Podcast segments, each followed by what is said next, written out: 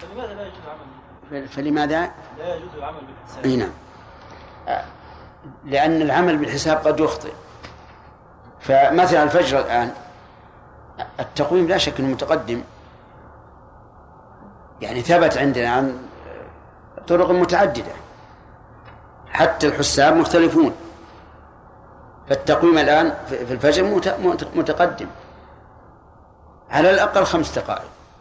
وهذه مشكلة. نعم يا آدم. من جاز له الجمع جاز له الجمع وجمع للتأخير ووصل إلى بلده هل له يستريح ثم يصلي أو ظهر وصول؟ لا بأس. إلا إذا كان الظهر لم يخرج وقته. يعني لما لما وصل قبل خروج وقت الظهر آه، بطل الجمع. ما ما جاز له الجمع.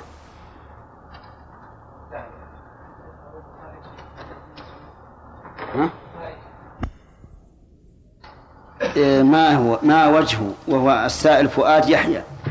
فؤاد يحيى هاشم. نعم. ما وجه اشتراء من قال بلزوم الموالاة في جمع التقديم بين الصلاتين وعدم لزومها في جمع التأخير. ليس هناك دليل بين لكن ربما يستدلون بفعل النبي صلى الله عليه وعلى آله وسلم في مزدلفة. فإنه لما وصل إلى مزدلفة بعد صلاة العشاء بعد دخول وقت العشاء صلى المغرب. ثم أناخ كل إنسان بعيره في منزله ثم أقام فصلى العشاء. وأما اشتراط الموالاة في جمع التقديم فقالوا لأن الجمع يقتضي الضم. يعني جمع صلاتين بعضها بعضهما إلى بعض. وهذا لا يكون مع مع مع التباعد أما شيخ الإسلام ابن تيمية فيقول لا يشترط الموالاة لا في جمع التقديم ولا في جمع التأخير وأن استباحة الجمع يعني أن الوقت أن الوقتين صارا اسمع فؤاد صار إيش؟ إيش؟ صار وقتا واحدا فصل في أول وقت أو في آخره أو في وسطه مفرقا ومواليا وصلى الله وسلم على نبينا محمد وعلى آله وأصحابه ومن تبعهم بإحسان إلى يوم الدين. إذا جمع بين صلاتين فكيف تكون يكون أداء الإقامة؟ عبد الله. يكون بأذان واحد وإقامتين لحديث جابر رضي الله عنه. الدليل؟ عن جابر رضي الله تعالى عنه أن النبي صلى الله عليه وسلم أتى مزدلفة فجمع بين المغرب والعشاء بأذان واحد وإقامتين نعم. آه التعليم. إنه لما جمع بين الصلاتين صار الوقت واحد. نعم. هذا بالنسبة للأذان. أنه لما جمع بين الصلاتين صار وقت واحد فيكفي أذان واحد. بالنسبة للإقامة. أن لكل صلاة إقامة. تمام. طيب. آه، كيف يحمل حديث ابن عمر؟ رضي الله عنهما ولم ينادي في واحدة منهما. كيف نجمع بينه وبين حديث جابر محروم الجزاء؟ نعم. فهد. يجمع بينهما إما أن يقال أن قصر الرواية ولم يؤذن أنه لم يؤذن بكل صلاة إنما أذن أذانا واحدا. لم ينادي بهن يعني لم ينادي لكل صلاة. نعم. أو يقال أن حديث جابر مثبت وهذا نعم أحسنت تمام. هل يجوز أن يتخذ مؤذنان في مسجد واحد؟ يلا عقيل. مؤذنان. وش الدليل؟ نعم. ما هو؟ حتى ينادي ابن ام مكتوم أحسنت. طيب لكن هل إذا قلنا بجواز ذلك يلا صاوي هل يؤذنان جميعا في آن واحد أو ماذا؟ نعم. يعني إن اختلف الزمن بمعنى أنه كان أحدهما يؤذن مبكرا والثاني متأخرا فلا إشكال. أو كان المكان واسعا. البلد واسعا والمسجد له جهات كل واحد يؤذن في جهة فلا بأس. أما إذا كانوا في منارة واحدة اثنين يؤذنون جميعا فهذا بدعة. مر علينا أنه يجوز أو يجب قبول الخبر خبر الواحد في الإعلام بالوقت. نعم إبراهيم. أنه يجب قبول خبر خبر الواحد في الإعلام بالوقت. نعم. الدليل. دليل خبر مؤذن. وش الدليل خبر مؤذن يعني قبول قبول الأذان لأن الأذان خبر. من الحديث. وكان رجلا أعمى لا يؤذن حتى يقال له أصبح يعني الحديث بكامل. ما يخالف إن بلالا يؤذن بليل. نعم. فكلوا واشربوا حتى يؤذن حتى ينادي ابن أم مكتوم. تمام. فقول حتى ينادي معناه أنه إذا نادى وجب الإمساك فيؤخذ منه؟ وجوب. نعم. وجوب قبول خبر الواحد في دخول الوقت. طيب. آه، نأخذ الدرس الذي قال رحمه الله تعالى فيما نقل عن ابن عمر رضي الله عنهما أن بلالا أذن قبل الفجر فأمره النبي صلى الله عليه وسلم أن يرجع فينادي ألا إن العبد نام؟ رواه أبو داود وضعفه. الحديث كما قال أبو داود ضعيف لكن على تقدير صحته معناه أن بلال رضي الله عنه أذن قبل الفجر. ومعلوم أنه إذا أذن قبل الفجر فسوف يغتر الناس بأذانه. فإن كانوا صوما امتنعوا عن الأكل والشرب. وإن كانوا غير صوم صلوا الصلاة قبل وقتها. فأمره النبي صلى الله عليه وعلى آله وسلم أن يرجع ويعلم الناس بأنه أخطأ. وهذا مفهوم من قومه ألا إن العبد يعني نفسه بلالا. ألا إن العبد نام. يعني أنه غلبه النوم وقام ولم يتحرى الوقت. وليس على ظاهره أن العبد نام لأنه لو كان على ظاهره لكان يؤخر الأذان. لأن النائم لا يستيقظ. لكن المعنى أنه نام فقام دون أن يتحرى الأذان فأذن. فأمره النبي صلى الله عليه وسلم أن يرجع. ففي هذا الحديث على تقدير صحته. أن المؤذن إذا أذن قبل الوقت فإنه يلزمه أن يخبر الناس بأنه أذن قبل الوقت. ولكن هل يقول هذا اللفظ الذي أمر الله به أمر به الرسول صلى الله عليه وعلى آله وسلم بلالا؟ لا. لأنه قد يكون مؤذن حرا ليس عبدا. والمقصود أن يعلم الناس. فإن قال قائل أفلا يمكن أن ينتظر حتى يخرج الفجر حتى يطلع الفجر ثم يؤذن ثانية؟ الجواب لا. لأنه إذا أذن قبل الوقت فسوف يقوم بعض الناس ويش ويصلي. فلا بد أن ينبه على خطئه مبكرا. لا بد أن ينبه على خطئه مبكرا حتى يعرف الناس أنه أذن قبل الوقت. ففي هذا الحديث فوائد منها أن الرجوع إلى الحق واجب. إذا أخطأ الإنسان في أي شيء وتبين له الحق وجب عليه الرجوع إليه. ومن فوائده أيضا أن النبي نعم من فوائده أنه يجوز للإنسان أن يعبر عن نفسه عن نفسه بالوصف الذي يدل على الغباوة. بقوله ألا إن العبد نام.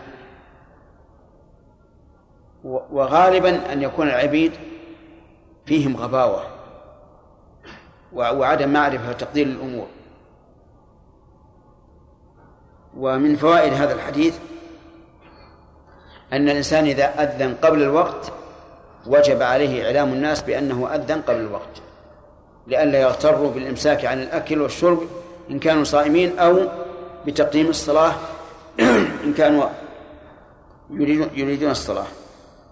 هذا إذا صح الحديث. أما إذا لم يصح الحديث فإننا نرجع إلى القواعد العامة. وهو أن الإنسان إذا أخطأ يجب عليه أن يصحح الخطأ بأي وسيلة سواء بهذا اللفظ أو بغيره. حتى لا يغتر الناس بذلك لأننا لو قلنا اصبر وإذا دخل الوقت فأذن ثم فعل. صار صار الناس سوف يصلون مرتين وربما يتهاونون ولا يصلون ويقولون الإثم عليه هو الذي أذن وغرنا فالإثم عليه. وعن أبي سعيد الخدري رضي الله عنه قال قال رسول الله صلى الله عليه وسلم إذا سمعتم النداء فقولوا مثل ما يقول المؤذن متفق عليه. وللبخاري عن معاوية رضي الله عنه مثله. قوله صلى الله عليه وسلم إذا سمعتم النداء المراد به النداء في الصلاة وهو الأذان. فقولوا مثل ما يقول المؤذن. يعني إذا قال الله أكبر قولوا الله أكبر. متابعة. ولم يستثن في هذا الحديث شيئا لكن قال المؤلف ولمسلم عن عمر رضي الله عنه في فضل القول كما يقول المؤذن كلمة كلمة سوى الحي الحيعلتين فيقول لا حول ولا قوة إلا بالله. الحيعلتين تثنية حيعلة وهي اسم منحوت يعني أخذ من كلمة حرفا ومن كلمة أخرى حرفا آخر. فالحي على بمعنى حي على كذا؟ وهما حي علتان الأولى حي على الصلاة والثانية حي على الفلاح. فيقول المتابع لا حول ولا قوة إلا بالله. ولا يقول حي على الصلاة لأنه مدعو. ولو قال حي على الصلاة صار داعيا. فلا يجمع ولا يجمع بينهما أيضا. يعني لا يقول حي على الصلاة لا حول ولا قوة إلا بالله حي على الفلاح لا حول ولا قوة إلا بالله. ومن زعم أنه يقول مثل ما يقول في الحي علتين ثم يعقبه بلا حول ولا قوة إلا بالله فزعمه ضعيف. وما مثله إلا مثل من قال إن المأموم إذا قال الإمام سمع الله لمن حمده قال سمع الله لمن حمده ربنا ولك الحمد. مع أن النبي صلى الله عليه وعلى آله وسلم قال في الإمام إذا قال سمع الله لمن حمده فقولوا ربنا ولك الحمد. فلا يجمع بينهما. وقوله إذا إذا سمعتم فقولوا مثل ما يقول. لا بد من سماع. فلو تحرر الأذان وصار يتابع بناء على التحري لم ينفع. من فوائد هذا الحديث حكمة الله عز وجل حيث جعل لغير القائم بالعبادة نصيبا من أجر هذه العبادة. فإن المؤذن لا شك أنه قائم بعبادة من أشرف العبادات حتى إن ثوابه يوم القيامة يكون أطول الناس أعناقا. المؤذنون أطول الناس أعناقا لأنهم رفعوا ذكر الله عز وجل وأعلنوا به فكان من جزائهم أن يرفع الله سبحانه وتعالى أعناقهم يوم القيامة فوق الخلق حتى يتميزوا بهذه الميزة. لما شرع الله الأذان للمؤذن شرع لغير المؤذن أن إيش؟ يتابعه. ولولا هذا الشرع لكانت متابعته بدعة. ومن فوائد الحديث أنه لا بد أن يسمعه ويدري ما يقول. لا بد أن يسمعه ويدري ما يقول. لأنه قال فقولوا مثل ما يقول المؤذن. فإن كان يسمع الصوت لكن لا يفهم وهذا يقع كثيرا. فهل يتابع؟ الظاهر لا يتابع. إلا إذا كان قد أدرك الجملة الأولى وعرفها وصار يسمع الصوت لكن لا لا لا يدرك الحروف فهنا قد نقول تابعه. لأنك إذا فهمت التكبيرة الأولى فالذي بعدها تكون إيش؟ الثانية. بعدها تكون الثانية وهل مجرة أما إذا كان يسمع دوية لكن لا يدري ما يقول فإنه لا يشرع له المتابعة. ومن فوائد هذا الحديث مشروعية متابعة المؤذن. لقوله فقولوا. وهل الأمر للوجوب؟ أو للاستحباب اختلف في هذا العلماء رحمهم الله فقال بعضهم إنه واجب لأن الأصل في الأمر الوجوب وأنه يجب على الإنسان أن يتابع المؤذن. ولكن جمهور العلماء على أنه ليس بواجب. واستدلوا لذلك بأن النبي صلى الله عليه وسلم قال إذا حضرت الصلاة فليؤذن لكم أحدكم ولم يقل وليتابعه الآخر. ولو كان ذلك واجبا لم يؤخر بيانه عن وقت الحاجة. وهذا هو الصحيح أن إجابة المؤذن يعني متابعته ليست بواجبة لكنها سنة لا ينبغي للإنسان تركها. ومن فوائد هذا الحديث أن ظاهره أن يقول هذا الذكر في أي مكان كان وعلى أي حال كان. يعني يتابع في أي مكان وعلى أي حال وعلى أي حال كان. في أي مكان يعني سواء في السوق في المسجد في البيت وظاهره حتى في الحمام. لأن الحديث مطلق. وإذا كان مطلقا فإنه يبقى على إطلاقه إلا بدليل وليس هناك دليل واضح على أنه لا يتكلم الإنسان بالذكر إذا كان في الحمام. وظاهره أيضا أنه يقول مثل ما يقول المؤذن ولو كان في حلقة علم أو في قراءة القرآن أو ما أشبه ذلك. وعليه فنقول إذا سمعت المؤذن وأنت تقرأ القرآن فالأفضل أن تقول مثل ما يقول وإن سكت عن القراءة. لأن هذا ذكر مقيد بزمن مخصوص والقراءة ليس لها وقت. متى شئت فاقرأ. وهذه قاعدة في الأذكار الأذكار المطلقة والأذكار المقيدة. الأذكار المقيدة تقضي على الأذكار المطلقة. فمثلا سماع نباح الكلاب السنة التعوذ بالله من الشيطان الرجيم وكذلك نهيق الحمير. فإذا سمعت نباح الكلاب أو نهيق الحمير وأن تقرأ القرآن فاستعذ بالله من الشيطان الرجيم. اقطع القراءة واستعذ بالله من الشيطان الرجيم. إذا عطس الإنسان وهو يقرأ القرآن. يقطع القرآن ويقول الحمد لله. إذا سمع أذان الديك وهو يقرأ القرآن يقطع القرآن ويسأل الله من فضله. المهم الذكر المقيد يقضي على الذكر المطلق. وإن كان الذكر المطلق أفضل منه فمثل قراءة القرآن أفضل من الذكر المطلق. لكن المقيد في في حينه يقدم على المطلق. طيب إذا كان في صلاة وسمع المؤذن فهل يجيب المؤذن وهو يصلي؟ اختار شيخ الإسلام رحمه الله أنه يجيب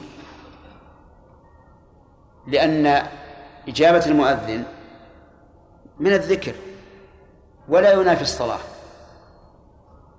وإذا كان من الذكر وهو لا ينافي الصلاة وقد أمر به النبي صلى الله عليه وسلم أمرا مطلقا فإنه يجيبه ولكن الذي يظهر أنه لا يجيبه في الصلاة. لأنه إذا إذا أجابه في الصلاة انشغل انشغالا كثيرا في إجابة المؤذن وليس كالذكر الذي لا الذي يتأتى بجملة واحدة.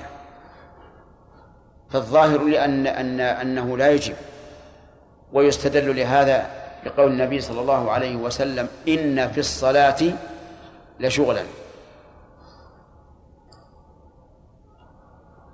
ومن فوائد هذا الحديث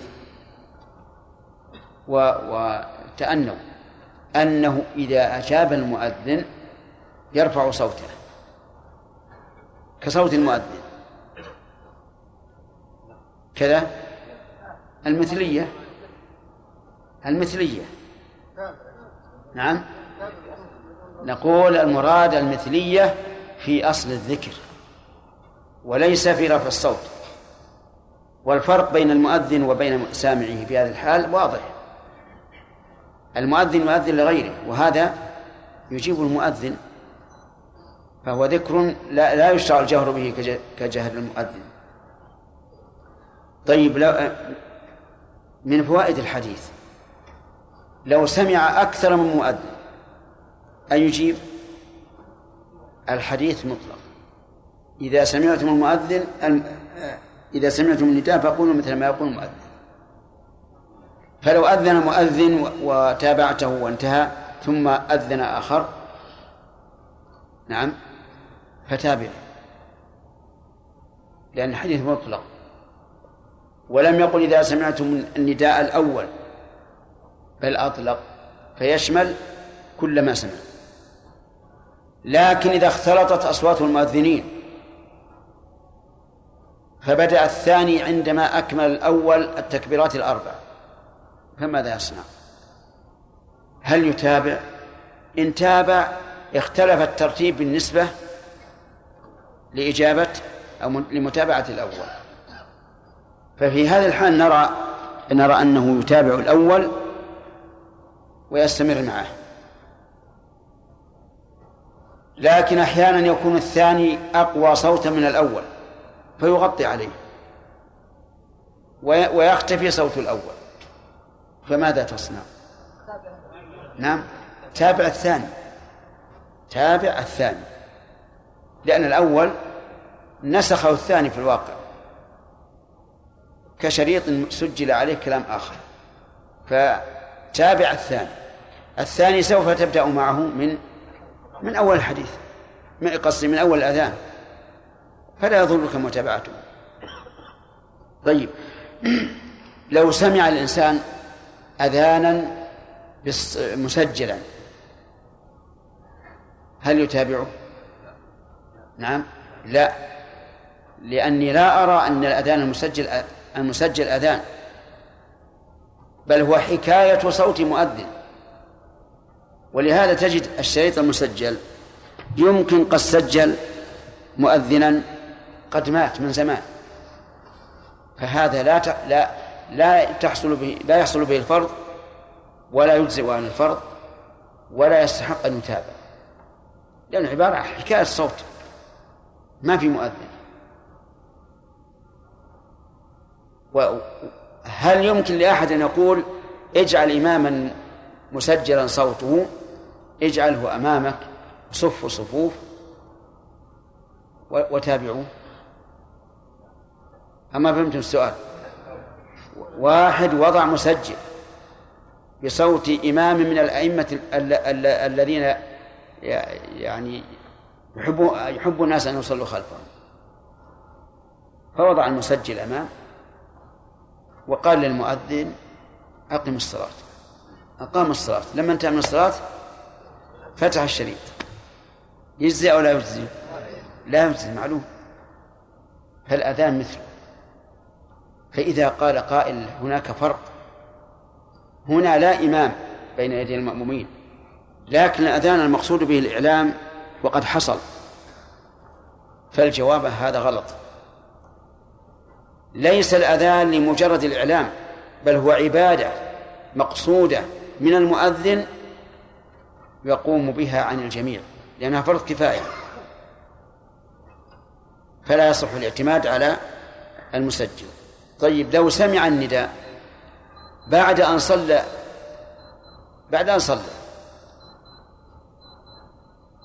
لنفرض أن بعض المساجد آه، تأخر مؤذنها وهذا قد صلى.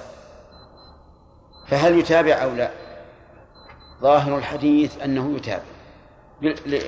لأنه مطلق. ما فيه التقييد لكن الفقهاء قالوا لا يتابع. لأن المؤذن يقول حي على الصلاة. وهذا الذي قد صلى هل يقال له حي على الصلاة؟ لا. لا يقال لأنه أدى الفريضة. قالوا فلما كان غير مدعو بهذا الأذان لم يشرع له أن يتابعه. ولكن لو أخذ الإنسان بظاهر الحديث وقال الحمد لله لا يضرني. هو ذكر. وإذا كان ذكرا وعندي لفظ عام أو مطلق من الرسول صلى الله عليه وسلم فلماذا لا أتعبد لله بذلك؟ وكوني غير مدعو بهذا الآن نعم لأني قد صليت. ومن فوائد هذا الحديث أو نأخذ أسئلة. نعم. بارك الله لو سمع من وسط. من وسط؟ وسط سمع إيه؟ يقول حي على الفلاح. نعم. أي نعم. هذا سؤال مهم. لو أنه سمع آخر الأذان دون أوله أو أول الأذان دون آخره. وهذا يقع كثيرا. يكون الإنسان مثلا مر بالسيارة حول المسجد سمع الأذان. وبسير السيارة اختفى الأذان. هل يكمل؟ أو نقول إن هذا الذكر مقرون بسبب والسبب الآن زاد فلا يكمل. هذه واحدة. الثانية إنسان كان في الحجرة ولم يسمع المؤذن ثم خرج إلى البراح وسمع آخر الأذان. هل نقول إنه يجيب المؤذن أو لا يجيب؟ الظاهر المسألة الثانية أنه يجيب ولكن هل نقول أجب المؤذن الآن ثم كمل ما مضى بعد بعد آه، فراغ الأذان؟ لا. لا نرى هذا لأنه لو فعل ذلك اختل اختل الأذان في الترتيب. وصار حي على الصلاة حي على الفلاح قبل الله أكبر أشهد أن لا إله إلا الله.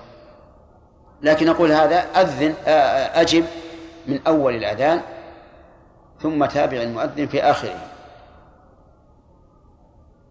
أما المسألة الأولى فعرفتم الحكم فيها أنه إذا انقطع صوت المؤذن انقطعت المتابعة. نعم. إيش؟ سمع الاذان في الحمام يردد بلسانه ام بقلبه؟ اولا كلمة يردد أنا عندي فيها ملاحظة. لأن ماذا بترديد؟ إلا إذا كان بعض الناس يقول إذا قال المؤذن الله أكبر قال الله أكبر الله أكبر. مرتين يردد. هذه تسمى متابعة. على كل حال ذكرت ذكر أشرت إلى هذا في أثناء الشرح. قلت ما في دليل صريح يمنع من الذكر في الحمام. لكن الفقهاء رحمهم الله قالوا إذا كان الإنسان على حاجته يعني على بول أو غائط فإنه لا يجيب. وإذا خرج فإنه يقضي. نعم. إذا سمع المؤذن الأول ثم رفع عليه المؤذن الثاني عن مثلا الله عن مثلا حي على الصلاة. يتابع الثاني من اول الأذان ويترك الذكر الأول الذي قد المؤذن الأول أو ينتقل متابعه الثاني من حيث لا لا ينتقل إلى الثاني لأن الأول غطاه الثاني. لا الثاني يبدأ من الأول. الثاني يبدأ من الأول يتابعه. نعم.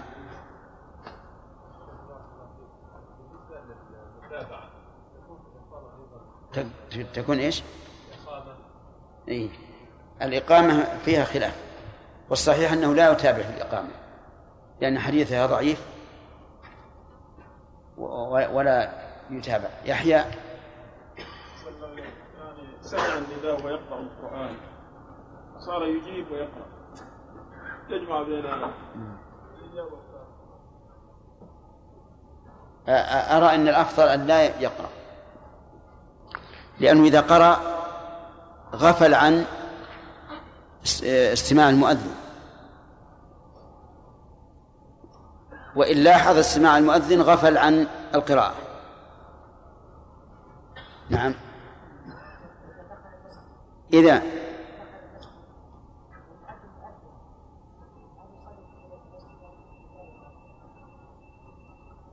إذا دخل المسجد والمؤذن يؤذن فإنه يتابع المؤذن لأن الوقوف هذا يسير وليس طويلا ثم يصلي تحية المسجد. إلا يوم الجمعة إذا دخل والإمام يخطب نعم إذا دخل يوم الجمعة والمؤذن يؤذن الأذان الثاني اللي عند حضور الإمام فإنه يصلي تحية المسجد ولا يتابع.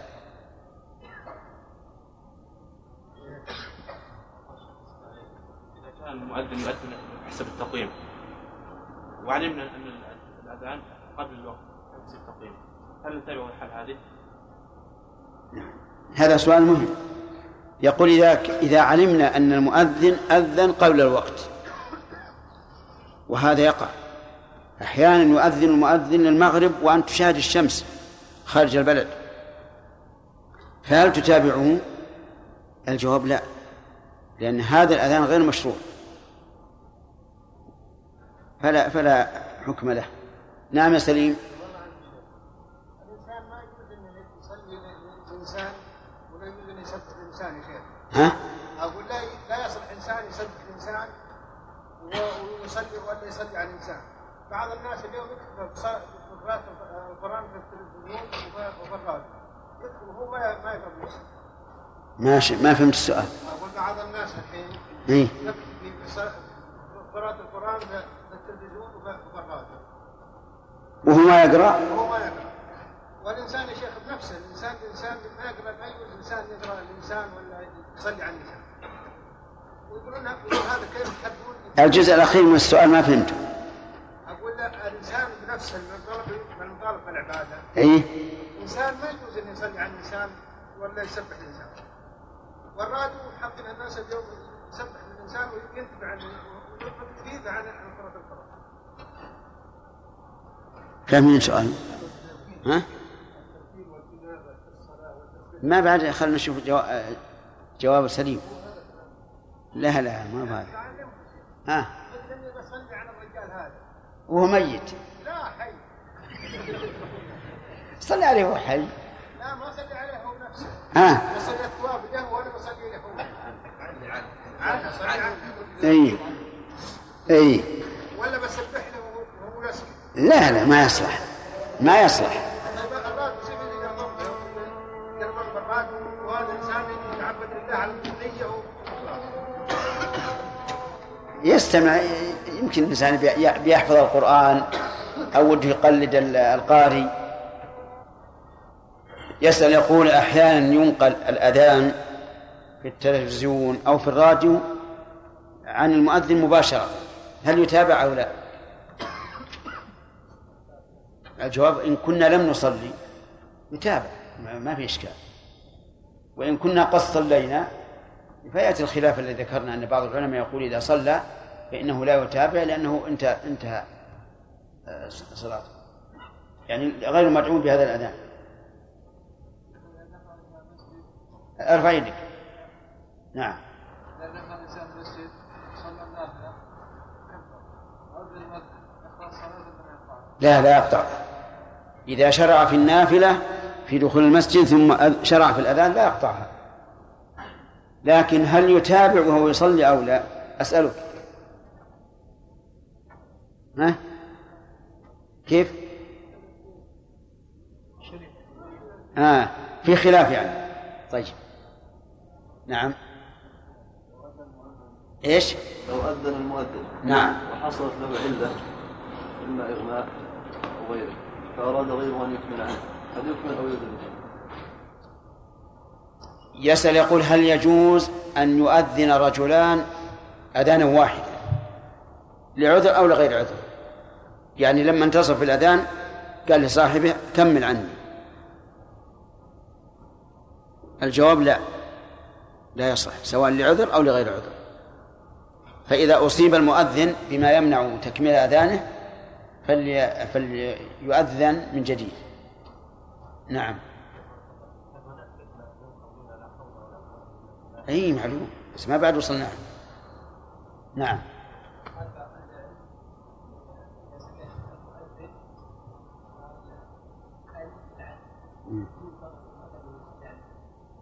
إيه تمام. آه، ادعى أحمد الفهيد أن بعض العلماء قال إن أل للعهد والمراد إذا سمعت مؤذنك. وهنا نعطيكم قاعدة. إذا دار الأمر بين أن تكون أل للعموم أو للعهد فالأصل أنها للعموم هذا هو الأصل إلا بدليل وهذه قاعدة يجب أن تفهموها الأصل أنها للعموم.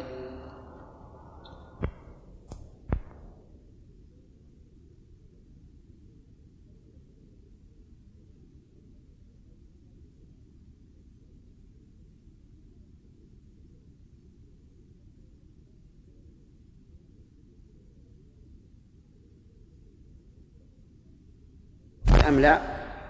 وما هو الدليل على ذلك؟ أفيدون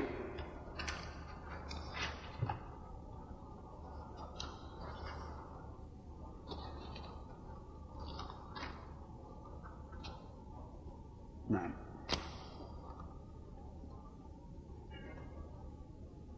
الجواب الصحيح أن المرأة كالرجل في الصلاة لأن الأصل تساوي الرجال والنساء في الصلاة إلا ما دل عليه الدليل وليس هناك دليل عن النبي صلى الله عليه وسلم في أنها آه، تضم. هذا أحمد بن سواد هل يقوم الشيخ مقام الأوراق النقدية أم لا يقوم إلا بعد صرف؟ ما المراد؟ سؤالك هذا. الشيخ هل يكون بمنزلة الأوراق النقدية هذه؟ يعني هل يقوم مقام القبض ولا وش؟ مقام القبض ما ما يقوم مقام القبض.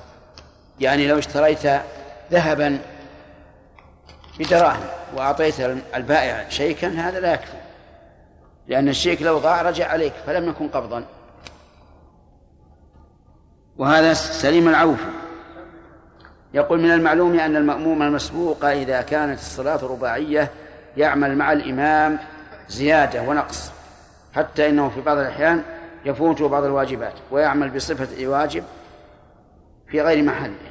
فهل عليه في هذه الحسب السهم؟ أم لا؟ مثل إيش؟ نعم في الرباعية. نعم.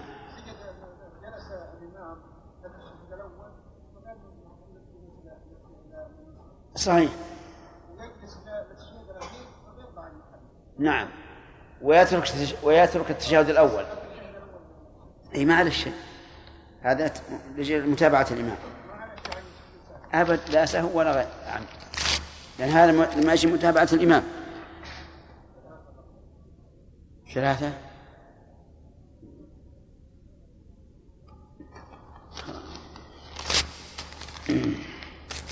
نعم يا فيصل. آله وأصحابه أجمعين. آه، ما تقولون في رجل أصم؟ رأى المؤذن صعد المنارة ووضع يديه في أذنيه هل يتابع أم لا؟ قل لي ما تدري؟ ها؟ الجواب لم تحضر؟ طيب نعم أي نعم لا يتابع المؤذن لماذا؟ لقول النبي صلى الله عليه وسلم إذا سمعتم النداء وهذا لم يسمع طيب. آه لو سمع النداء في صلاة محمد شراف. إن الصحيح أنه لا لا يتابع نعم. لأنه ذكر طويل ويبقى عن الصلاة وقد قال النبي صلى الله عليه وسلم إن في الصلاة لشغل نعم. القول الراجح أنه لا يتابع المؤذن وهو يصلي. لقول النبي صلى الله عليه وعلى آله وسلم إن في الصلاة لشغلا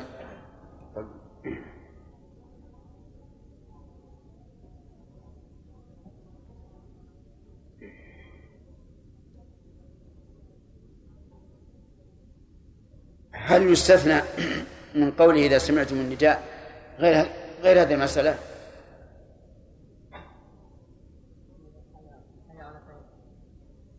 لا هذا يستثنى من قوله فقولوا مثل ما يقول. لا الإجابة مطلقة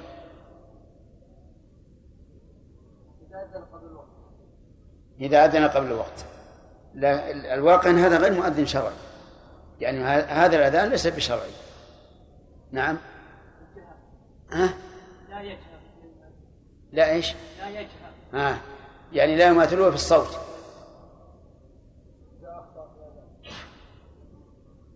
لا إذا أخطأ مو مؤذن مو أذان شرعي. مر علينا أنه إذا أذن بعد أن أن أدى الفريضة التي ينادى لها فإنه لا يجيب. على ما ذكره الفقهاء رحمهم الله. قال نقرأ. ولمسلم عمر رضي الله عنه في فضل القول كما يقول المؤذن كلمة كلمة سوى الحي الحيعلتين فيقول لا حول ولا قوة إلا بالله قوله في فضل قول في فضل القول كما يقول المؤذن. لأن النبي صلى الله عليه وسلم أخبر أن من قال مثل ما يقول المؤذن ثم صلى على النبي صلى الله عليه وسلم ثم سأل للنبي صلى الله عليه وسلم الوسيلة فإنه تحل له الشفاعة. يقول كلمة كلمة يعني إذا قال المؤذن الله أكبر قال هو الله أكبر ولا يسكت حتى يكمل الأذان ثم يعيده. السامع لا يتابعه كلمة كلمة سوى الحيعلتين وهما حي على الصلاة حي على الفلاح. فيقول لا حول ولا قوة إلا بالله. الحيعلتان هما حي على الصلاة حي على الفلاح. ومعنى حي أي أقبل أو أقبل فهي صالحة للمفرد والجماعة لأنها اسم فعل واسم الفعل لا يتغير. وقوله على الصلاة أي الحاضرة وحي على الفلاح أي أقبلوا على الفلاح أو أقبل على الفلاح والفلاح هو الفوز بالمطلوب والنجاة من المرهوب والمناسبة في هذا الترتيب أن يبدأ أولا بالدعوة إلى العمل ثم بنتيجة العمل وفائدته وهو الفلاح. فيقول لا حول ولا قوة إلا بالله. يقول السامع لا حول ولا قوة إلا بالله ولا يقول حي على الصلاة حي على الفلاح. لأن السامع مدعو فكيف ينقلب داعيا؟ ولكنه مدعو فالمناسب أن يقول كلمة الاستعانة. لا حول ولا قوة إلا بالله. فكأنه يقول سمعا وطاعة فأسأل الله أن يعينني. ولهذا نقول إن هذه الجملة استعانة وليست استرجاعا كما يفعله بعض الناس. إذا أصيب بمصيبة قال لا حول ولا قوة إلا بالله لأن ذكر المصيبة هو إنا لله وإنا إليه راجعون. أما هذا فإنه طلب والطلب يحتاج إلى إجابة والإجابة إذا لم يعنك الله فإنه لا فإنه لا يمكن لا يمكنك فعلها. طيب. إذا نستفيد من هذا الحديث. أولا أن إجابة المؤذن تكون كلمة كلمة. كلما قال كلمة تقول أنت كلمة. فإن بقيت ساكتا حتى يتم الأذان ثم أتيت به فإنك لم تحصل السنة. ومن فوائده أن الم... الم... الذي يقول ما... مثل ما يقول لا يقول في الحي في الحيعلتين حي على الصلاة حي على الفلاح. وإنما يقول لا حول ولا قوة إلا بالله. ومن فوائد هذا الحديث أن هذه الكلمة لا حول ولا قوة إلا بالله كلمة استعانة. كلمة استعانة يستعين بها الإنسان على على الأمر الذي يريد. وأظن أنكم تعرفون معنى حول بمعنى التحول من حال إلى حال والقوة ضد الضعف. فيسن أن يقول لا حول ولا قوة إلا بالله إذا قال حي على الصلاة حي على الفلاح. وظاهر الحديث والذي قبله أن أن المؤذن لصلاة الفجر إذا ثوب أي إذا قال الصلاة خير من النوم. فإنه يقول مثل ما يقول. لأنه لم يستثنى إلا الحيعلتان. وعليه فإذا قال المؤذن في صلاة الفجر لصلاة الفجر الصلاة خير من النوم فقل الصلاة خير من النوم. هذا ظاهر السنة.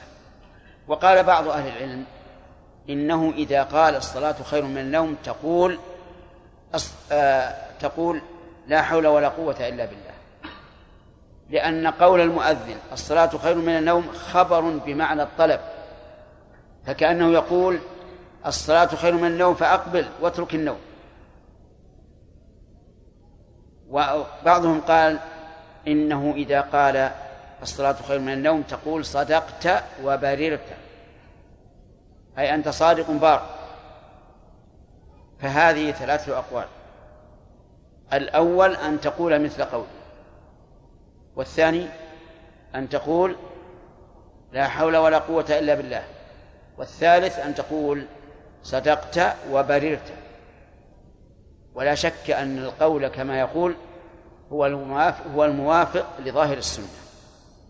فليعتمد. يقولون إنك إن إجابة الصلاة خير من النوم. أن تقول صدقت لأنه صادق. وبررت لأنه يحث الناس على الحضور. فيقال لهم أليس المؤذن يقول الله أكبر؟ الجواب بلى. أصادق هو أم لا؟ صادق. لماذا لا تقول صدقت وبررت؟ لأنك إذا قلت إن هذا خبر يقابل بالتصديق. نقول إذن الله أكبر خبر يقابل بالتصديق ولا قال ولا قائل به. وعن عثمان وعن عثمان بن أبي العاص رضي الله عنه. قال يا رسول الله اجعلني إمام قومي. قال أنت إمامهم واقتد بأضعافهم واتخذ مؤذنا لا يأخذ على أذانه أجرا. أخرجه الخمسة وحسنه الترمذي وصححه الحاكم. قول أن عثمان بن أبي العاص هو من ثقيف. استعمله النبي صلى الله عليه وسلم على الطائف. لأنه قال اجعلني إمام قومي. يقول اجعلني إمام قومي أي في الصلاة. فقال أنت إمام. وهذا عقد ولاية لإمامة الصلاة. لأن الذي يتولى عقد إمامة الصلوات هو ولي الأمر. واقتد بأضعفهم. يعني إذا طلب منك بعض الجماعة أن تطيل بهم في القراءة أو الركوع أو السجود إطالة زائدة على السنة وآخرون طلبوا منك التخفيف الضعفاء. فالواجب الاقتداء بالأضعف. واتخذ مؤذنا لا يأخذ على أذانه أجرا. أمر الذي نصبه إماما أن يتخذ مؤذنا أي أن ينصب مؤذنا. لا يأخذ على أذانه أجرا أي أجرا دنيويا. كالدراهم الثياب الطعام السكنة في في البيت وما أشبه ذلك. هذا الحديث فيه فوائد منها جواز وطلب الإمامة. جواز طلب الإمامة. وجه ذلك أن النبي صلى الله عليه وسلم أقر عثمان بن أبي العاص ووافقه على طلبه. وهذا أقوى ما يكون من إثبات هذا الحكم. ولكن لو قال قائل أليس النبي صلى الله عليه وسلم حين سأله رجل الإمارة قال إنا لا نولي هذا الأمر أحدا طلبه؟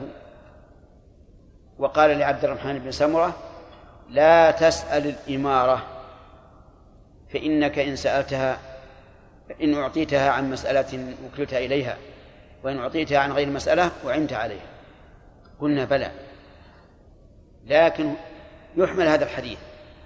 إما على التفريق بين طلب الإمارة والإمامة لأن الإمامة وظيفة دينية محضة والإمارة فيها سلطة فيها سلطة فيها نوع من الاستعلاء وما أشبه ذلك. وإما أن يقال إنه إذا طلبها من يطلبها وهو أحق الناس بها فإن طلبه هذا يكون بمنزلة التنبيه لولي الأمر. وليس طلبا محضا وأن الإنسان إذا رأى من نفسه أنه أحق الناس وأوفى الناس بهذه الوظيفة فله طلبها.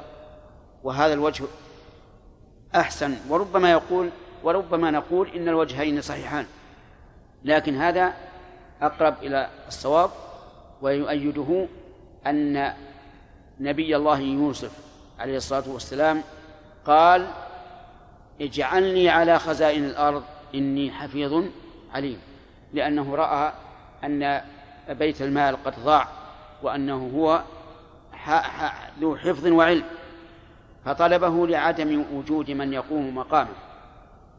ومن فوائد هذا الحديث أن نصب الأئمة إلى ولي الأمر لأن النبي لأنه طلب من النبي صلى الله عليه وسلم وهو ولي الأمر بلا شك. وكذلك من ينيبه ولي الأمر.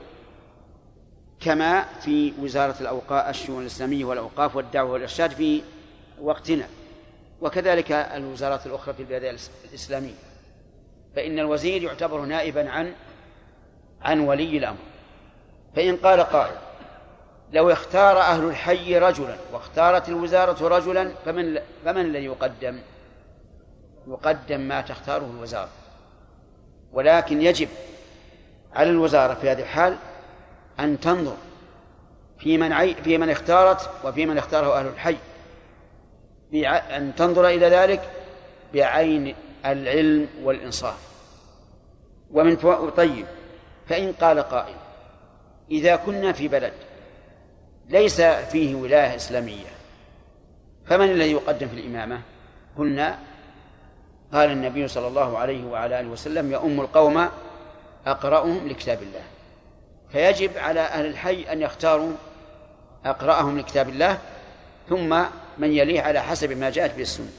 ومن فوائد الحديث مراعاة الأضعف في كل شيء لأنك إذا راعيت الأضعف لم تضر الأقوى. وإن راعيت الأقوى شققت على الأضعف أو أضررت به. حتى في المشي لو فرض أن أناسا يتبعونك مثلا فيهم من مشيه ضعيف ومشيه قوي فإنك تراعي الأضعف إلا أن يكون في مراعاته ضرر فالضرر منفي شرعا لكن بدون ضرر اقتدي بالأضعف. ومن فوائد هذا الحديث أن تعيين المؤذن إلى الإمام لقوله واتخذ مؤذنا هذا إذا قلنا إن الرسول صلى الله عليه وسلم لم يوله إلا على إمامة الصلاة لكن حسب الترجمة التي ترجمت أن الرسول صلى الله عليه وسلم جعله أميرا على الطائف أميرا على الطائف. وعلى هذا فيكون تعيينه المؤذن لا لأنه إمام المسجد ولكن لأن له الولاية على البلد كلها. ومن فوائد هذا هذا هذا الحديث وصية الإمام لولاة للولاة الذين تحته من الأمراء والأئمة والقضاة وما أشبه ذلك بما تقتضيه حالهم لقوله اقتدي بأضعفهم واتخذ مؤذنا لا يأخذ على أذانه أجرا. وكان من من هدي النبي صلى الله عليه وسلم أنه إذا أمر أميرا على جيش أو سرية أمره بتقوى الله عز وجل وبمن معه من المسلمين خيرا. ومن فوائد الحديث أنه ينبغي العدول عمن طلب من المؤذنين أجرا أي مالا أو يقال بمعنى أعم شيئا من أمور الدنيا لقوله اتخذ مؤذنا لا يأخذ على أذانه أجرا. ولهذا نص فقهاؤنا رحمهم الله على تحريم أجرة الأذان والإقامة بأن نتفق مع واحد تقول تعال أستأجرك على أن تؤذن. كم الأذان في اليوم والليلة؟ خمسة. قال ما في مال. لكن كل أذان بعشرة ريال. ويريد أن تكون أجرة. حتى إذا تخلف يخصم عليه. ولو آه، نقص في الأذان يخصم عليه. يعني أجرة. فهذا لا يجوز. علل لأن النبي صلى الله عليه وسلم قال هذا دليل. لأن النبي صلى الله عليه وسلم قال اتخذ مؤذنا لا يأخذ على أذانه أجرا. التعليل لأن عمل الآخرة لا يمكن أن يتخذ وسيلة للدنيا. الآخرة أشرف وأعظم من أن تكون وسيلة لأمر الدنيا. الدنيا وسيلة الآخرة وليست الآخرة إيش؟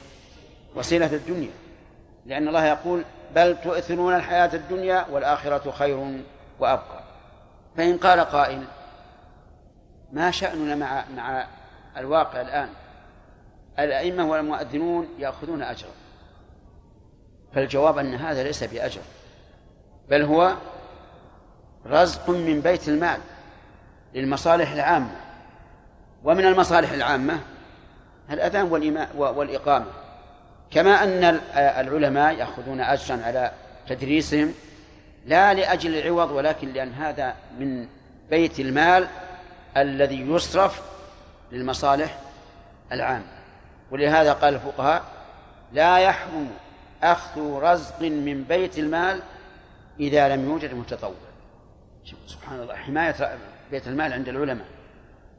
لا يحرم بشرط أن لا يوجد متطوع فإن وجد متطوع تحصل به الكفاية حرم أن يعطى المؤذن من بيت المال. ليش؟ لأنه لا داعي له الآن. وإذا لم يكن له داعي لا يجوز. إذا أخذنا من بيت المال مثلا عشرة ريالات لهذا المؤذن صار حرام. إذا أن عشرة ريالات تنفع بيت المال. طيب الحمد لله. لو جاء لو كان جعالة ما هي أجرة. بأن قال من أذن في هذا المسجد فله كل شهر كذا وكذا. فهذه فيها خلاف. منهم من يقول لا بأس بها ومنهم من يقول فيها بأس. لأن هذا المؤذن إنما جاء من أجل العوض. وعن وعن مالك بن حويرث رضي الله عنه قال قال لنا رسول الله صلى الله عليه وسلم إذا حضرت الصلاة فليؤذن لكم أحدكم؟ الحديث أخرجه السبعة. الحديث يعني اقرأ الحديث فهي منصوبة بفعل محذوف تقدير اقرأ الحديث. يقول إذا حضرت الصلاة أل في قول الصلاة؟ للعهد الذهني والمراد بها الصلاة المكتوبة وهي خمس معروفة. ومعنى والمراد بحضورها دخول وقتها وإرادة فعلها. دخول الوقت وإرادة الفعل وقوله هل يؤذن لكم أحدكم؟ ألف رابطة لجواب الشرط واللام للأمر. وقول فليؤذن لكم أحدكم؟ يعني آه، بحيث يسمعكم. لأنه إذا لم يسمعهم فإنه ليس بمؤذن لهم. آه، وقوله إلى آخر الحديث. طيب. مالك بن حويرث رضي الله عنه وفد على النبي صلى الله عليه وعلى آله وسلم عام الوفود. أي عام؟ التاسع. وبقي عنده عشرة عشرين يوم. بقي معه عشرون يوم عشرين يوم. وكان معه وفد كلهم شباب. فلما مضت العشرون ورآهم النبي صلى الله عليه وسلم اشتاقوا إلى أهليهم أمرهم أن يرجعوا إلى أهليهم. فيقيموا فيهم ويعلموهم ويؤدبوهم وأوصاهم بوصايا. منها ما ذكر في هذا السياق. ففعل وانصرفوا من النبي صلى الله عليه وعلى آله وسلم متعلمين ممتثلين لما وصى به. ففي هذا الحديث فوائد. اولا أن الأذان لا يصح قبل دخول الوقت. أقيل من يؤخذ إذا حضرت الصلاة. نعم. ولا يمكن أن تحضر قبل دخول الوقت. من فوائد هذا الحديث أهمية الصلاة حيث فرض النداء لها. ومن من فوائد الحديث وجوب الأذان لقوله فليؤذن واللام للأمر والأصل في الأمر في العبادات الوجوب. ومن فوائد هذا الحديث أنه يجب أن يسمع المؤذن من يؤذن له بحيث يرفع صوته حتى يسمعه. من يؤذن له فإن أذن في جهة بعيدة وحضر يعني لنفرض أنهم في البر. وذهب أحدهم يتمشى ولما حان الوقت أذن في مكان ليس حوله أحد من من قومه ثم حضر إليه. هل يكتفى بهذا الأذان؟ عجيب. لا لأنه لم يؤذن لهم. لابد أن يسمع من يؤذن له ومن فوائد هذا الحديث أن الأذان فرض كفاية. لقوله أحدكم وهو كذلك وليس فرض عين. ومن فوائد هذا الحديث أن إجابة المؤذن غير واجبة يعني بمعنى متابعته. متابعة المؤذن في الأذان غير واجبة. إن تابعه الإنسان وأتى بما بما يسن بعد المتابعة فهو على خير وإن لم يتابع فلا شيء عليه. وجه الدلالة أنه لم يأمر الآخرين بالمتابعة مع أن الحال تقتضي بيان ذلك لو كان هذا واجبا إذ أن هؤلاء قوم وفدوا تعلموا شرائع الإسلام عن قرب ورجعوا إلى أهليهم. وهذا القول هو الصواب وهو الذي عليه جمهور العلماء. وذهب أهل الظاهر رحمهم الله إلى أن إجابة المؤذن واجبة وأخذوا بالأمر. إذا سمعت المؤذن فقولوا مثل ما يقول. ولكن الصواب مع الجمهور وأن إجابة المؤذن في أذانه إيش؟ سنة. لا يأتم الإنسان بتركها. هنا لم يبين آه، من الأحق. بخلاف الإمامة فقد بين من الأحق. فيقال الأحق الأعلم بالوقت والأوثق والأندى صوتا. هذا عند ابتداء تنصيب المؤذن. نختار من جمع الأوصاف هذه. وهو إيش؟ العلم بالوقت والأوثق والأندى صوتا ومن فوائد الحديث أن الأذان لا يصح إلا من واحد. بقوله أحدكم فلو شرع في الأذان فلما بلغ حي على الصلاة أكمله آخر. فالأذان إيش؟ لا يصح. لأن الحديث يقول يقول فيه الرسول صلى الله عليه وعلى آله وسلم فليؤذن لكم أحد. فإن قال قائل لو شرع في الأذان ثم أتاه ما يمنعه من إكماله بأن أغمي عليه أو ما أشبه ذلك وكمله آخر لم يصح. إذا ماذا نعمل؟ سهل يعيد الأذان من جديد. ثم ذكر حديث جابر. نعم. هذا غزل بيت المال لا بأس به. نعم. لا بأس به. نعم. لكن الان يا شيخ بعض الناس إذا جاء المسجد قال كم هذا أي فئة هذا؟ والله فئة كذا قال رد عنكم كذا قال ادور فئة الحج إيه. وراح يدور مسجد اخر والله على كل حال هذه تخل بالإخلاص لا شك. تخل بالإخلاص. لكنه لا لا أرى تحريمها عليه لأنه قد يكون عنده عنده حاجات يعني محتاج ولا ولا يصل إلى إلى دفع الحاجة إلا بها. لكنها لا شك أنها ناقصة في الإخلاص. يقال إن في بلد من البلدان أذن المؤذن صار يقول حي على الصلاة مرة وحي على الفلاح مرة. فقيل له في ذلك فقال إن الراتب نقص عشرين في المئة. وهذا مقدار ما ينقص من الأذان. فالله أعلم قد تكون صحيحة وقد تكون غير صحيحة. نعم. البلد غير الاسلامي نعم. ولا إعطاء الرزق يتولى إيش؟ تولي من بلد غير إسلامي. نعم. ليس فيه ولاية على المؤذن أي نعم نعم. هل يجوز مثلا يجتمع المسلمون مثلا؟ ويعينوا آه، شخصا يؤذن ويجمع من الجميع مبلغا ما ويقول؟ إي إي نعم لا بأس. المهم أن لا يشارطه ويقول لا أؤذن إلا بكذا.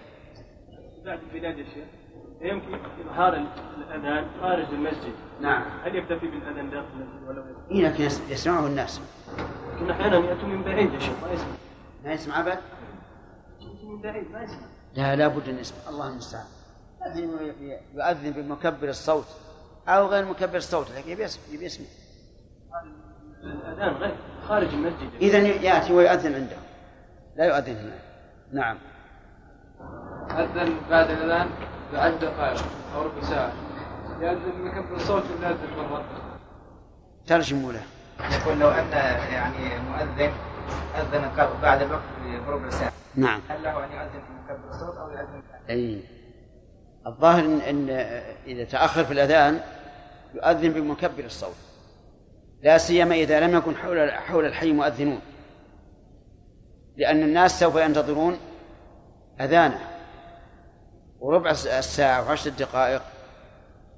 ما يعني ما تفوت يعني تفوت على الناس ما يظنون إنه تأخر. فأرى أنه يؤذن في مكبر الصوت. وفي أيضا فائدة ثانية أنه في المستقبل إيش؟ لا يتأخر. الله أكبر. الاحسن أن يقال جابر بن عبد الله رضي الله عنه.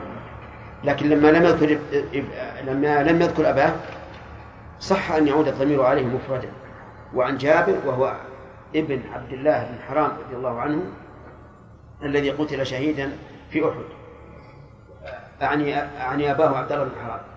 أن رسول الله صلى الله عليه وسلم قال لبلال إذا أذنت فترسل وإذا أقمت فاحذر واجعل بين أذانك وإقامتك مقدار ما يحضر الآكل من أكله. الحديث رواه الترمذي. قوله عليه الصلاة والسلام إذا أذنت فترسل. يعني لا تستعجل ترسل قف على كل جملة. ووجه ذلك أن الأذان للبعيد. فإذا ترسل فإن من فاته أول الأذان يسمع آخر الأذان. ولذلك الآن لو سمعت صوتا تظنه أذانا. تجد أنك تقول ها ها يعني اسكت. ثم إذا أذن ثانية وثالثة تبين لك أنه أذان. وأما الإقامة فهي للحاضرين. ولهذا قال وإذا أقمت فاحذر يعني أسرع. ولكن هل يقف على كل جملة؟ أو يسرع ولا يقف؟ فمثلا يقول الله أكبر الله أكبر أشهد أن لا إله إلا الله أشهد أن محمدا رسول الله ويقف على كل جملة أو يقول الله أكبر الله أكبر وأشهد أن لا إله إلا الله وأشهد أشهد أن محمدا رسول الله. الجواب الأول يقف على كل جملة إلا أنه يحضر لا يترسل واجعل بين أذانك وإقامتك مقدار ما يفرغ الآكل من أكله. يعني هو المتوضئ من وضوءه. بين الأذان والإقامة مقدار ما يفرغ الآكل من أكله. لأنه لا صلاة بحضرة الطعام. ولو أذن والناس على أطعمتهم شق عليهم ترك الطعام وشق عليهم ترك آه، نعم لو أقام لو أقام سريعا والناس على أطعمتهم شق عليهم ترك الطعام وشق عليهم ترك الصلاة مع الجماعة. فلهذا ينبغي أن يراعى. يجعل بين الأذان والإقامة مقدار ما يفرغ الآكل من أكله والشارب والمتوضي من من وضوئه. كم المقدار؟ نعم. عشر دقائق إلى حولها سيتبين إن شاء الله تعالى. في هذا الحديث توجيه النبي صلى الله عليه وسلم العمال من المؤذنين والمقيمين وكذلك عمال الزكاة وغير وغيرهم توجيههم إلى ما يطابق الشريعة. وهذا يدل على كمال نصحه وعلى كمال تبليغه صلى الله عليه وعلى آله وسلم. من فوائد هذا الحديث أن ظاهره أن الإقامة إلى المؤذن وليس كذلك. إلا إذا عمده الإمام فنعم يكون وكيلا على الإمام. وإلا فإن المؤذن أملك بالأذان والإمام أملك بالإقامة. لكن إذا أنابه وقال اجعل بين الأذان والإقامة كذا وكذا فذلك جائز. ولكنه مع ذلك لا يقيم حتى يرى الإمام.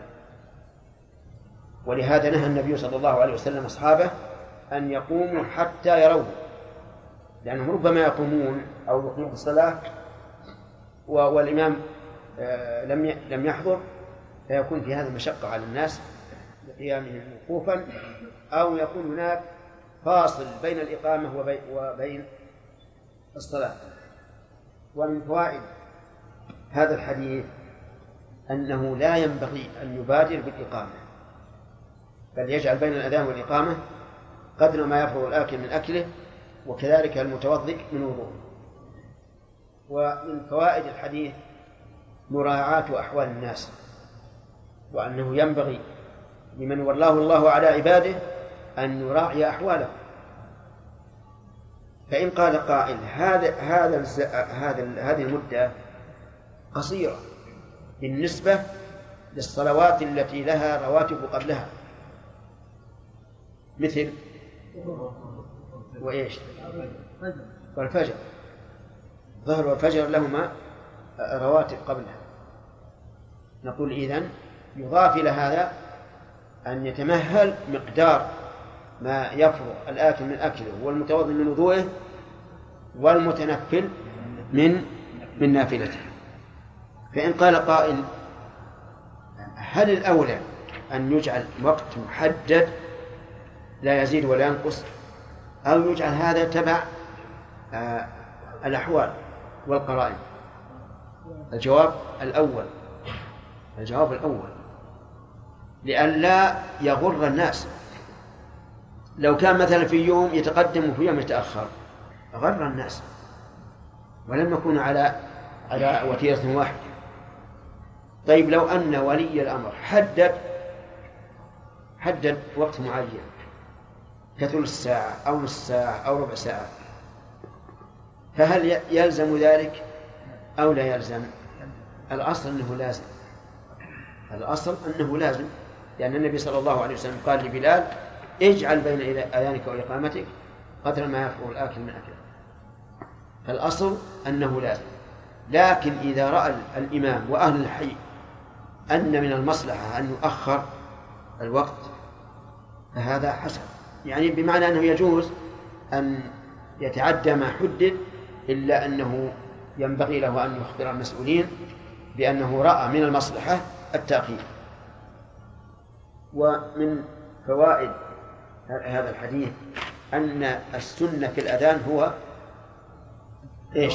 الترصد والتمهل وفي الإقامة الحذر والاستعجال وعدم التأني وله عن أبي هريرة رضي الله عنه للترمذي أن النبي صلى الله عليه وسلم قال لا يؤذن إلا متوضئ وضعفه أيضا.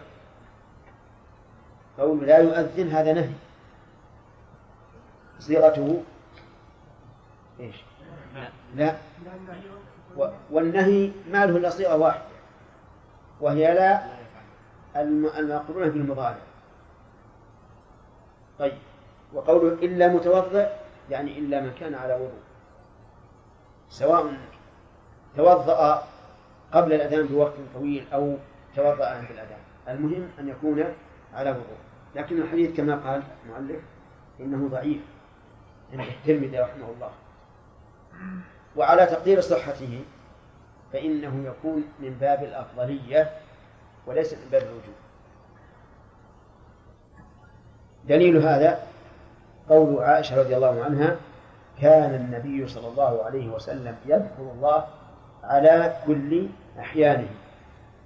والأذان ذكر فيجوز أن أن يؤذن وليس ولو لم يكن متوضئا.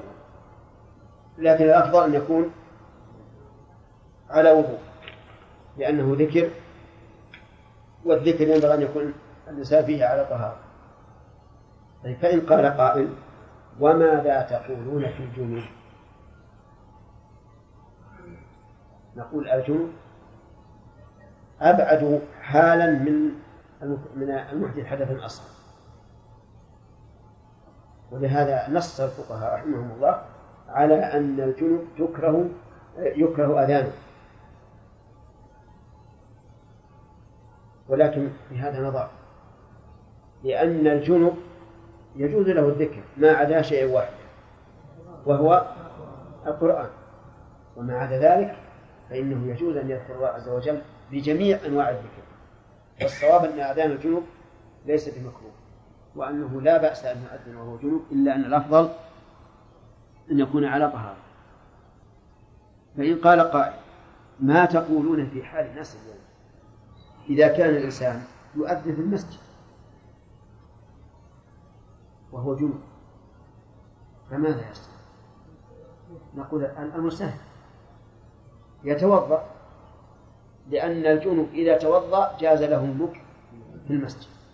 فيتوضأ ويؤذن في وقته ثم يعود إلى محل الاغتسال ويغتسل. فهذه مشكلة حل وسهل. نعم. وله عن زياد بن الحارث رضي الله عنه. قال قال رسول الله صلى الله عليه وسلم من أذن فهو يقيم وضعفه أيضا. من أذن فهو يقيم يعني فهو الذي يقيم. ومن هذه عامة؟ تشمل من أذن بالأصالة ومن أذن بالوكالة. المؤذن بالأصالة أن يكون هذا المسجد له مؤذن خاص فيؤذن. فمن الذي يقيم؟ هو نفس المؤذن. المؤذن بالوكالة مؤذن موظف. لا يخرج من من وظيفته إلا بعد أذان الظهر. فحضر حضر إلى إلى إلى المسجد وقد أذن وكيله. فهل يؤذن الأصيل لأن ذاك نائب عنه؟ أو يؤذن الوكيل؟ يؤذن الوكيل. الذي يؤذن هو الوكيل. لكن لو أذن الأول الأصيل فلا بأس. وله وله وجهة نظر. لأنه يقول أذن عني لغيابي. والآن حضرت فأنا الأصل. فإذا تشاح قال الوكيل بالأذان أنا أذنت فأقيم. وقال الأصيل أنا صاحب المنارة فأقيم. ما من من ناخذ بقوله. الأصيل. لم يقدر يقول أنا عزلت خلاص. مالك وكالة. فنأخذ بقول الأصيل. أما مع عدم التشاح فإنه يؤذن الوكيل. و وضعفه أيضا. قال ولأبي داود من حديث عبد الله بن زيد أنه قال أنا رأيته يعني الأذان وأنا كنت أريده. قال فأقم أنت. وفيه ضعف أيضا. عبد الله بن زيد بن عبد ربه. سبق في أول أذان أنه رأى في المنام. أن رجلا معه ناقوس. فقال له أتبع هذا الناقوس؟ قال لأي شيء؟ قال من أجل أن أضرب به عند دخول الوقت. فقال له ألا أدلك على خير من هذا؟ وذكره له. لما رآه هو قال أنا الذي أنا الذي أؤذن. يعني أنا صح لأنه هو صاحب الرؤيا ولكن سبق أن النبي صلى الله عليه وعلى آله وسلم قال ألقه على بلال فإنه أنجى صوتا منك فألقاه على بلال فكان بلال هو المؤذن وهو الذي يقيم. ولذلك هذا الحديث ضعيف. عندي يقول وفيه ضعف أيضا. قال هذا في قال البيهقي قال الحاكم هذا في النظام فإن أبا سلمة أتى فيه بشيء لم يروه أحد. وهو أن بلالا أذن وعبد الله بن زيد أقام. وهذا هو الصحيح أن هذا الحديث شاذ ولا عمل عليه. وعن أبي هريرة رضي الله عنه قال قال رسول الله صلى الله عليه وسلم الأذان الإمام المؤذن أملك بالأذان والإمام أملك بالإقامة رواه ابن عدي وضعفه وللبيهقي نحوه عن علي بن أبي طالب رضي الله عنه من قوله. هذه وظيفة المؤذن أنه أملك بالأذان بمعنى أنه المسؤول عن الأذان. يراقب الشمس يراقب الشفق يراقب الفجر ويؤذن على حسب ما جاء في السنة. ولو أراد الإمام أن يؤذن فللمؤذن أن يمنعه لأنه أملك بالأذان الإمام أملك بالإقامة يعني أن الإقامة ترجع إلى الإمام. فلو أن المؤذن لما رأى الإمام تأخر نحو خمس دقائق أو شبهها أذن أقام قلنا هذا لا يجوز. لأن هذا اعتداء على حق الإمام وافتيات عليه.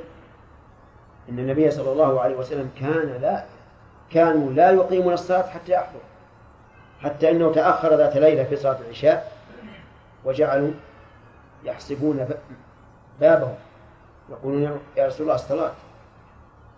ولو كان أحد يملك الإقامة إيش؟ لأقاموا والنبي صلى الله عليه وسلم لو أقاموا لم لم يغضب عليهم لأنه أوسع الناس صدرا. وسيأتي إن شاء الله تعالى أنه لما تخلف بالصلح من مع بني عمرو بن عوف وجاء وجدهم صلوا قال أحسنتم وأصبتم فالخلاصة الآن أن المؤذن مسؤول عن إيش؟ والإمام عن الإقامة طيب إذا أيهما أعظم مسؤولية وأشق؟ المؤذن المؤذن أعظم مسؤول مسؤولية وأشق لا سيما في العصر الأول. العصر الأول ما في ساعات فتجده من آخر الليل يرقب الفجر. وتجده إذا قارب مغرب الشفق في الليل جعل يرقب مغرب الشفق. وعند الزوال كذلك. وعند العصر كذلك. فالمؤذن أشق عملا من الإمام ولهذا كان الأذان أفضل من الإمام. لو يعني لو قيل لنا أيما أفضل المؤذن أو الإمام من حيث المرتبة في الأجر قلنا المؤذن لأن عليه من المسؤولية أكثر بكثير من الإمام. أفهمتم يا جماعة؟ طيب. قد تقولون إذا كان المؤذن إذا كان الأذان أفضل من الإمامة فلماذا لم يتوله الرسول صلى الله عليه وسلم؟ ولا أبو بكر ولا عمر ولا عثمان ولا علي. لماذا عدل عنه الخلفاء الراشدون؟ الجواب لأنهم مشتغلون بالخلافة وتدبير الناس. فهم لا يتفرغون إلى أن يراقبوا الفجر أو يراقبوا مغيب الشفق أو يراقبوا زوال الشمس أو يراقبوا دخول وقت العصر. مشغولون. لذلك لم يتولوا. عجيب. الأذان ولا شك أن الأذان أفضل من الإمام طيب أيهما أعظم مسؤولية؟ المؤذن أعظم مسؤولية من وجه لأن المؤذن يترتب على أذانه صلاة الناس في بيوتهم وإمساكهم في صومهم وإفطارهم في صومهم فيترتب عليه مسؤولية كبيرة. ويقال إن رجلا كلم زوجته في الليل. وأبت أن تكلمه. أبد حجر. يا فلان قالت أبد كل شيء فقال لها إن أذن الفجر قبل أن تكلميني فأنت طالق ثلاثة. وكان الطلاق الثلاث في الأول تبين به المرأة. يعني ما انتشر الإفتاء في في أن الطلاق الثلاث واحدة بعد الصحابة إلا في عهد شيخ الإسلام ابن تيمية رحمه الله. قال إن أذن الفجر قبل أن تكلميني فأنت طالق ثلاثة. صممت. أن لا تكلم. نعم. لا حول ولا قوة إلا بالله. ماذا نصنع فذهب إلى الإمام أبي حنيفة رحمه الله. وكان الإمام أبو حنيفة كان ذكيا. وعنده فطنة قال له اذهب إلى المؤذن. مؤذن الحي. خلوا يؤذن. ويفك مشكلة. فذهب إليه. فأخبره بالقضية وأنها صعبة. فأذن. أذن. والرجل عند امرأته. فقالت الحمد لله الذي فك منك إيش؟ لأنه أذن قبل أن تكلم. قال الحمد لله الذي ردك علي. هذا أذن قبل الفجر. غلط. أذن قبل الفجر. فشوف الآن يترتب على الأذان حتى مثل هذه الأحكام. فالمؤذن في الحقيقة مسؤوليته عظيمة. الإمام مسؤوليته عظيمة من جهة الإمامة بالناس. يجب عليه أن يتعلم أحكام الصلاة وأحكام الإمامة وأن يجعل إمامة صلاته على نحو صلاة من؟ الرسول صلى الله عليه وسلم قال صلوا كما رأيتم يصلي. وهذا يلزم أن يعرف كيف كان الرسول صلى الله عليه وسلم يصلي وأن يعمل كما كان الرسول يصلي عليه الصلاة والسلام. فمن هذه الناحية يكون أعظم مسؤولية. بعض الأئمة نسمع يصلي بالناس لكن لا يطمئن في الركوع ولا في الرفع منه ولا في السجود ولا في الجزء بين السجدين وهذا خطر عظيم خطر عظيم. لا سيما إذا كان في المسجد من كبار السن أو من الضعفاء. فكل واحد منهم عليه مسؤولية لكن مسؤولية المؤذن عمل المؤذن أشق. ولهذا جاء في الحديث الصحيح أطول الناس أعناقا يوم القيامة المؤذنين. شيخ بارك الله فيكم. نعم. لم يتضح لي دليل يا شيخ الفرق بين كون المؤذن يطلب أجرا وقد قال الله تعالى من كان يرجو نعم. الدنيا. من كان يريد الحياة الدنيا وزينتها. نعم. وبين من الآن يعني يقول يذهبون للأوقاف مثلا وهم ما قصدوا الأذان إنما قصد آه، يعني أن يتوصل بالأذان إلى هذا الرجل. إيه. حقيقة هذه تحتاج إلى إخلاص.